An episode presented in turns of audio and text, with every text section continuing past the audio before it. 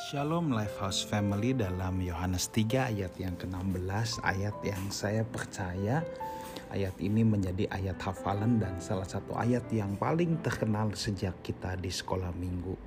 Ayat ini berbunyi demikian karena begitu besar kasih Allah akan dunia ini sehingga ia telah mengaruniakan anaknya yang tunggal supaya setiap orang yang percaya kepadanya tidak binasa melainkan beroleh hidup yang kekal. Saudaraku, dari ayat ini saya hanya ingin mengingatkan, merefresh ingatan kita kembali bahwa dalam cinta dan pengorbanan selalu ada pengampunan dan pemberian.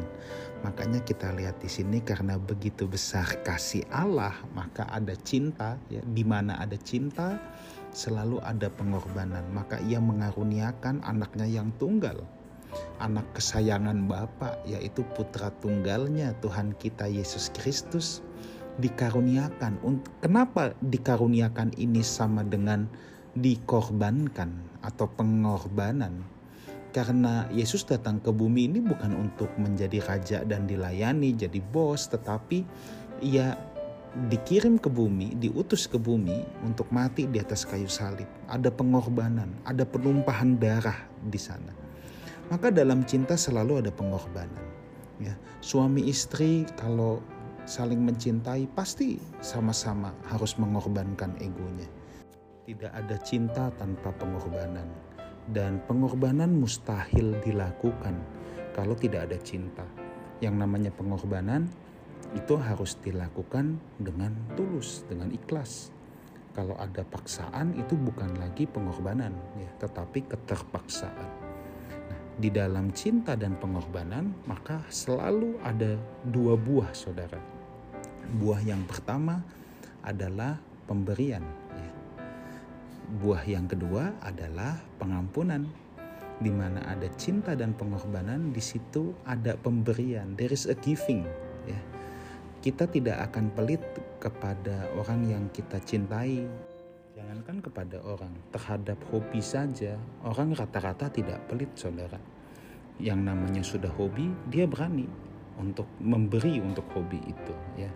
Saya ingat sekali satu kali saya diajak ke museum art yang ada di kota Sydney dan di situ ditulis dan diceritakan bagaimana orang-orang pencinta seni mendonasikan hartanya luar biasa untuk menjaga, merawat demi kelangsungan museum itu. Mereka rela memberi, ya, memberikan harta mereka supaya museum itu tetap terawat, tetap terjaga dan tetap tegak berdiri. Memang kalau sudah cinta, sudah hobi, ya, sudah hobi aja. Ya. Kalau sudah hobi yang menjadi jatuh cinta itu pasti ada giving. Nah, kemudian ada juga pengampunan. Ya, ada juga pengampunan. Saudara, sesalah-salahnya anak kita, kita pasti bisa mengampuni. Kenapa? Karena ada cinta, saudara. Karena ada cinta. Itu sebabnya kalau kita bisa mengembangkan cinta kita, kasih kita kepada sesama manusia, maka kita akan mudah untuk memaafkan sesama kita juga. Itu sebabnya saudaraku, yuk kita hayati dulu ini. Karena begitu besar kasih Allah akan dunia ini, sehingga dikaruniakan anaknya yang tunggal. Itu sebabnya kita harus menerima kasih Tuhan secara full dulu, secara utuh, terima pengampunan dari Dia. Kemudian kita baru akan dengan legowo untuk membagikan kasih itu, meneruskan pengampunan itu kepada orang yang bersalah kepada kita. Kita tidak menjadi pribadi yang dendaman, kita tidak menjadi pribadi yang makan dalam saudara ya. Kalau kita simpan kepahitan kita simpan dendam wah itu hal yang sangat berbahaya. Itu sangat tidak baik baik secara fisik maupun secara mental. Itu akan menjadi sumber penyakit. Kiranya renungan pada kesempatan ini dapat menguatkan dan menyegarkan kita semua. Tuhan Yesus menyertai kita semua. Haleluya